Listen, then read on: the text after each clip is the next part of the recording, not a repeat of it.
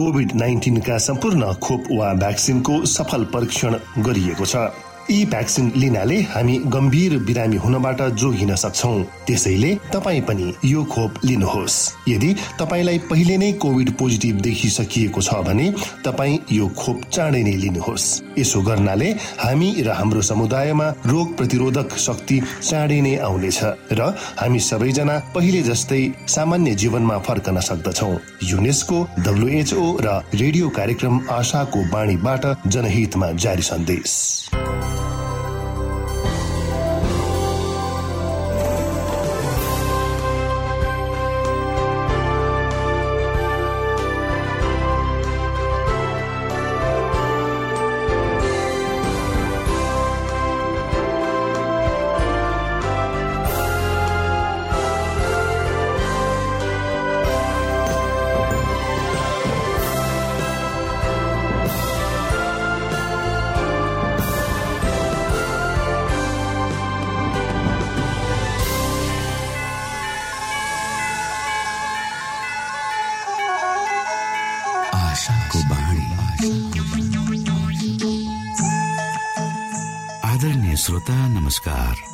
समय तपाईँ Adventist world रेडियोको प्रस्तुति भोइस अफ होप आशाको बाणी कार्यक्रम सुन्दै हुनुहुन्छ।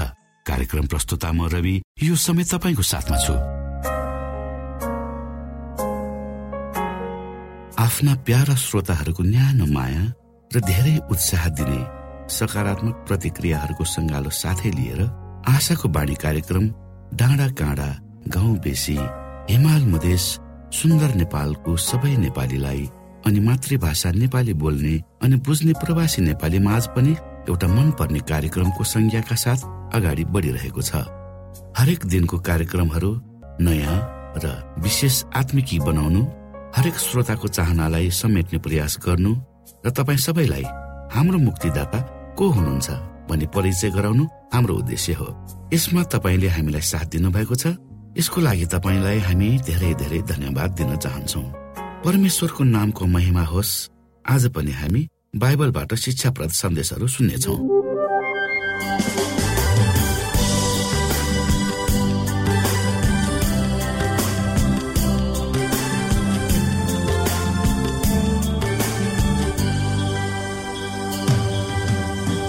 जीवनलाई हार सम्झी जिउनेहरू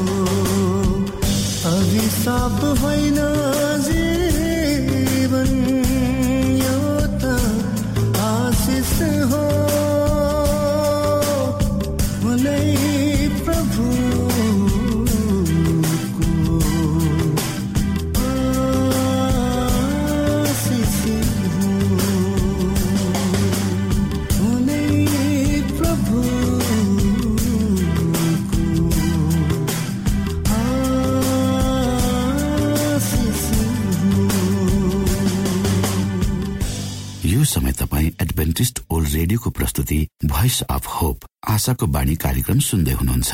श्रोता मित्र यो समय हामी पास्टर उमेश पोखरेलबाट आजको बाइबल सन्देश सुन्नेछौ।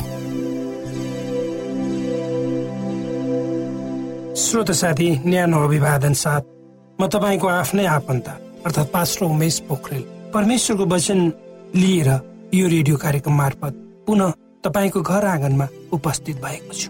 मलाई आशा छ तपाईँले हाम्रा कार्यक्रमहरूलाई नियमित रूपमा सुन्दै हुनुहुन्छ र परमेश्वरका प्रशस्त आशिषहरू प्राप्त गर्दै हुनुहुन्छ। आउनुहोस् तपाईँ हामी केही समय आज पनि परमेश्वरसँग बिताउ। आजको प्रस्तुतिलाई पस गर्नुभन्दा पहिले आउनुहोस् म परमेश्वरमा अगुवाईको लागि बिन्ती राख्नेछु। जीवित जिउँदो महान दयालु परमेश्वर प्रभु हामी धन्यवादी छौँ यो जीवन र जीवनमा दिनुभएका प्रशस्त आशिषहरूको लागि। यो रेडियो कार्यक्रमलाई प्रभु म तपाईँको हातमा राख्दछु। यसलाई तपाईँको राज्य र महिमाको प्रचारको खातिर यो देश र सारा संसारमा पुर्याउनुहोस् ताकि धेरै धेरै मानिसहरू जो अन्धकारमा छन् तिनीहरूले तपाईँको ज्योतिलाई देख्न सकुन्। सबै बिन्ती प्रभु यीशुको नाममा। आमेन।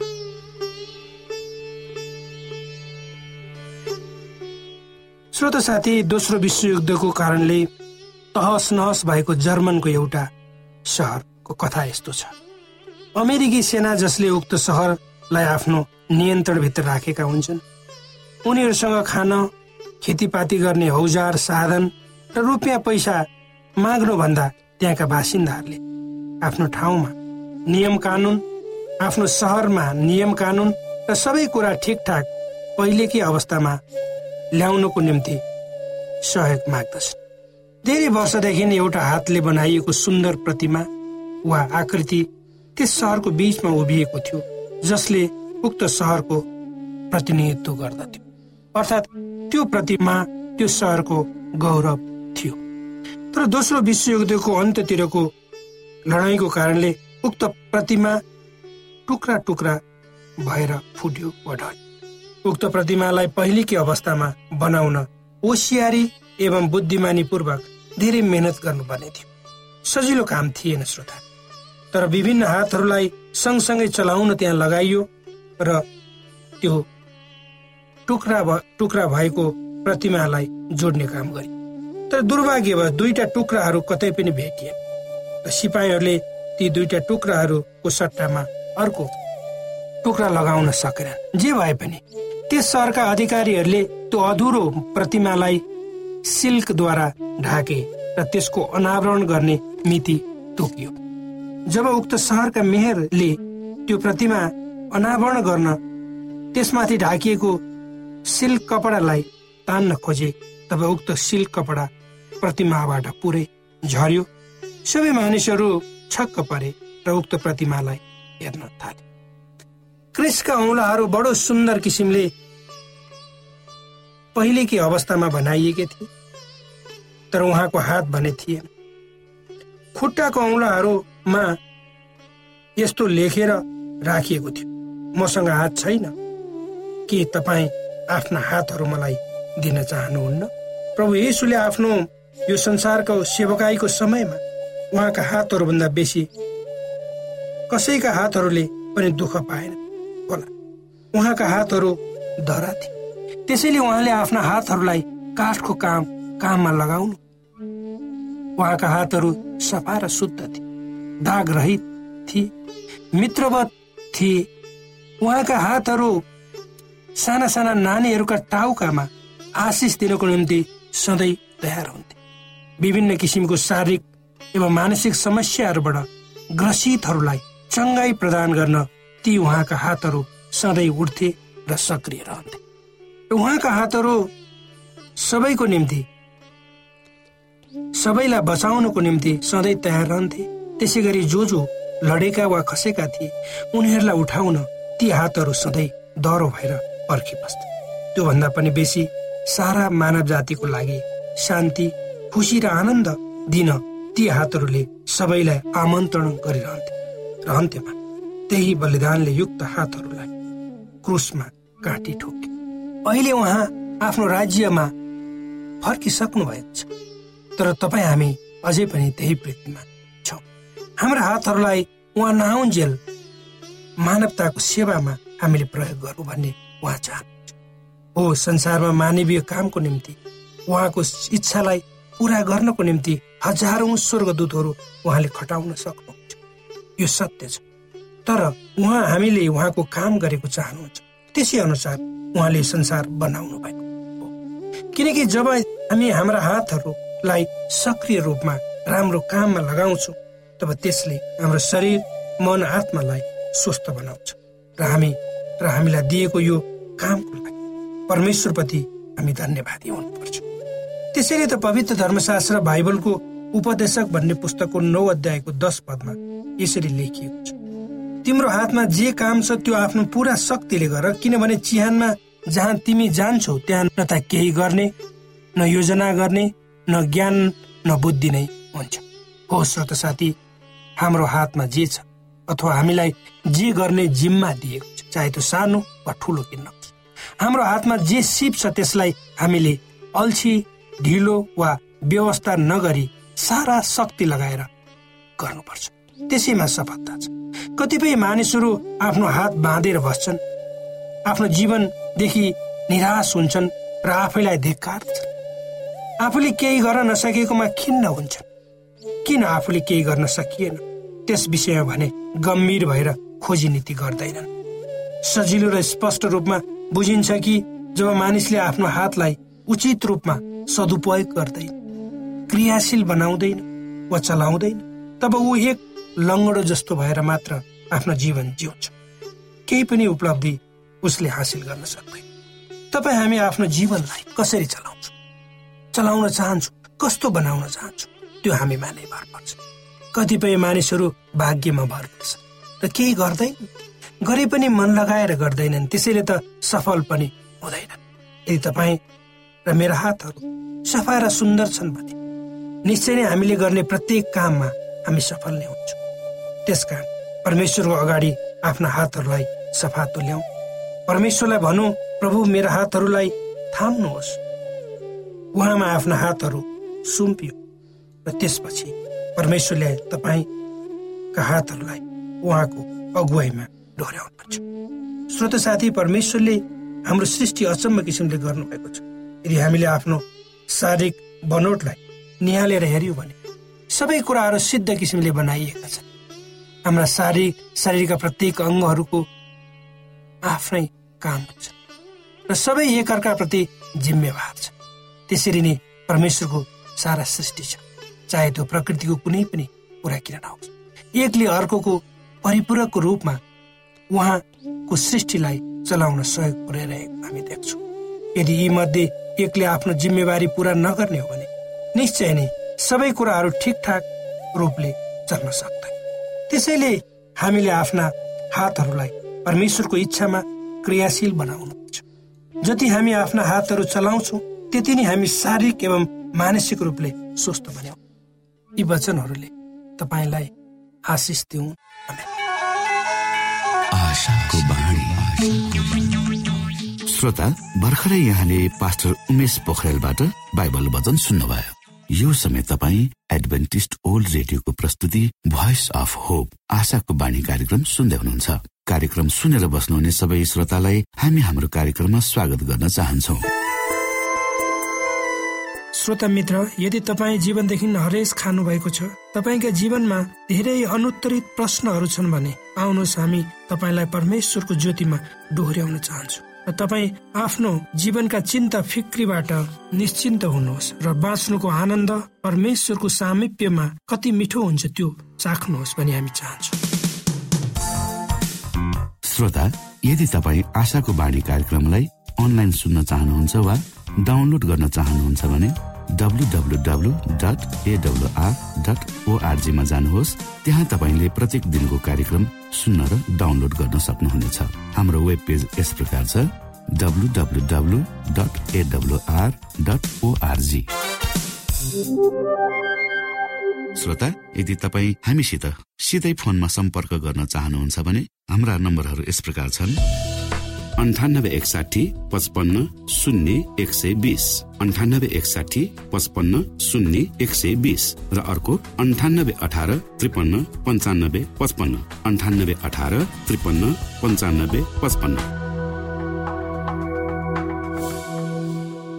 श्रोत साथी न्यानो अभिवादन। म पास्टर उमेश पोखरेल। गवाईको सकाल लिएर तपाईँहरूको बिचमा पुनः उपस्थित भएको छु।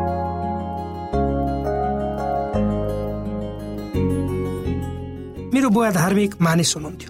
उहाँले मलाई र मेरो भाइलाई यो सम्झाउनुहुन्थ्यो कि क्रिस्चियनहरू भनेका नास्तिक र अविश्वासी अधर्मी र नराम्रा हुन्छ उनीहरूबाट टाढै बस्नु।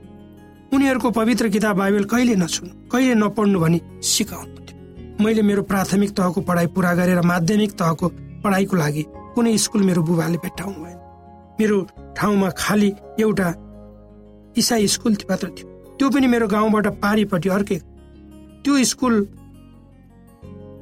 त्यो वरिपरि गाउँको लागि ख्याति वा नाम चलेको थियो। अन्तमा मेरो बुवाले इच्छा नलागी नलागी भए पनि मलाई त्यही बोर्डिङमा भर्ना गरिदियो तर मेरो बुवाले कडासित मलाई आज्ञा दिनुभयो कि यदि तिनीहरूले उनीहरूको ईश्वरको बारेमा कुरा गरे भने तिमीहरूले कुनै कुरा नसुन्नु।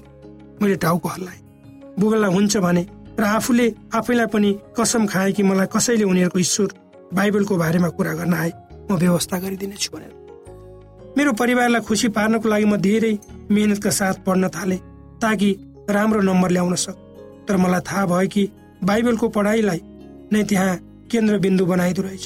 बाइबल र ईश्वरको बारेमा नसुनिकन मेरो पढाइ पुरा नहुने भयो भन्ने मैले थाहा पाएँ।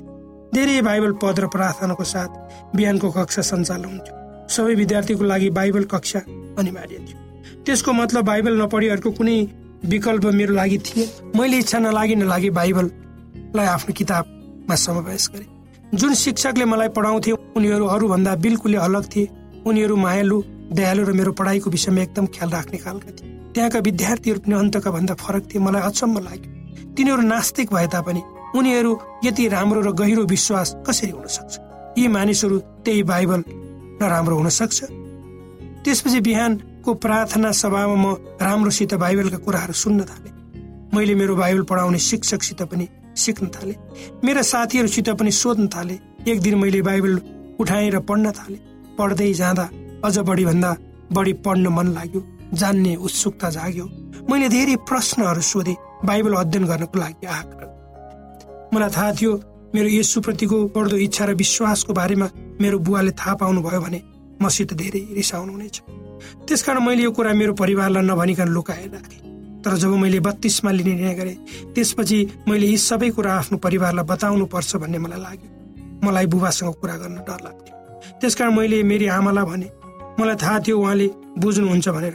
त्यस्तै पनि भयो। जब मेरो विद्यालयको विदा भयो म विदामा घर आएँ। घरमा मेरो विश्वासको बारेमा कसैले केही सोधेन। म विदामा घर बसेको बेलामा बाबुले बाबुसित खेतमा काम गरोस् भन्ने चाहनुहुन्थ्यो भने मलाई थाहा थियो। म सधैँ खेतमा काम गर्न जान्थेँ। मिहिनेतका साथ काम गर्थेँ। शुक्रबार मैले डबल काम गर्थेँ ताकि शनिबार मैले काम गर्न नपरोस् र शनिबार बिहानै म त्यही सहरमा रहेको मण्डलीमा जान्थेँ। मैले शनिबार काम गर्दिनँ भन्ने कुरो मेरो बाबुलाई बुबालाई थाहा थिएन। तर कसैले बाबुलाई म शनिबार काम गर्दिनँ चर्च जान्छु भन्ने कुरो भनिदिएछ। त्यसपछि बुबाले आउने शुक्रबार त अघि पछि भन्दा दोबर काम गर्न दिनु र शनिबारसम्मको लागि काम छिट्याइदिनु। साबत सुरु हुन अगाडि त्यो दुवै दिनको काम सकाउन मेरो लागि सम्भव थिएन साबतको दिन बिहानै बुबाले आफैसित खेतमा काम गर्नको लागि बोलाउनु। म यो नरम तरिकाले बुबालाई सम्झाउन कोसिस गरेँ कि म आइतबार दोब्बर काम गर्छु बुवा। आजको भाग पनि गर्छु। तर शनिबार म परमेश्वरको सेवा गर्न चाहन्छु। जति सक्दो नम्र भएर मैले परमेश्वरको आज्ञाहरूको बारेमा बताएँ। साबतमा विश्राम लिनुपर्छ र साबत दिनलाई परमेश्वरले पवित्र तुल्याउनु भएको कुरा सम्झाउनु। बुबाले धार्मिक विषयमा बढी छलफल गरेको मन पराउनु हुन्न थियो खालि उहाँको आज्ञा पालोस् गरोस् भन्ने उहाँको चाहना उहाँले रिसाएर भन्नुभयो यदि मैले भनेको नमान्ने भए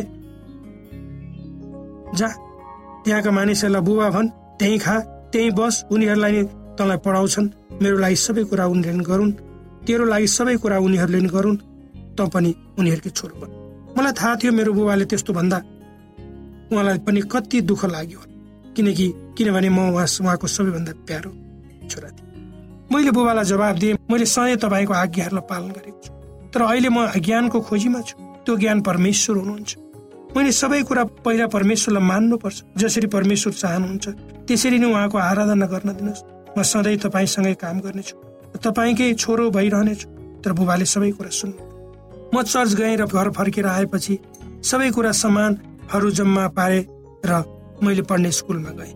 स्कुल पुगेपछि प्रिन्सिपललाई सबै कुरा बताएँ। स्कुलले मलाई खाना र बस्नको पैसा तिरिदिने त्यसपछि मैले आफ्नो पढाइलाई निरन्तर दिएँ। म अहिले मेरो परिवारलाई उत्तिकै प्रेम गर्छु। तर अहिले म परमेश्वर मेरो बुबा हुनुहुन्छ र मेरो चर्च नै मेरो परिवार भएको छ जसले मेरो ख्याल राख्दछ। मेरो निर्णयप्रति म कुनै पछुतो गर्दिनँ। म परमेश्वरलाई धन्यवाद दिन चाहन्छु कि उहाँले मलाई यसरी एउटा स्कुलमा इसाई स्कुलमा पढ्ने मौका दिनुभयो। र जहाँ मैले प्रेमिलो परमेश्वरलाई चिन्ने मौका र परमेश्वरको पछि लाग्ने अवसर पाएँ त्यो स्कुल एकदम राम्रो छ। विद्या र विद्यार्थीहरूलाई कक्षा कोठाको अभाव पाएँ त्यति हो। परमेश्वरको पछि लाग्ने अवसर पाएँ आमेन। कोभिड नाइन्टिनका सम्पूर्ण खोप वा भ्याक्सिनको सफल परीक्षण गरिएको छ। यी भ्याक्सिन लिनाले हामी गम्भीर बिरामी हुनबाट जोगिन सक्छौ। त्यसैले तपाईँ पनि यो खोप लिनुहोस्। यदि तपाईँलाई पहिले नै कोभिड पोजिटिभ देखिसकिएको छ भने तपाईँ यो खोप चाँडै नै लिनुहोस्। यसो गर्नाले हामी र हाम्रो समुदायमा रोग प्रतिरोधक शक्ति चाँडै नै आउनेछ र हामी सबैजना पहिले जस्तै सामान्य जीवनमा फर्कन सक्दछौ। युनेस्को डब्लुएचओ र रेडियो कार्यक्रम आशाको बाणीबाट जनहितमा जारी सन्देश। Mm-hmm.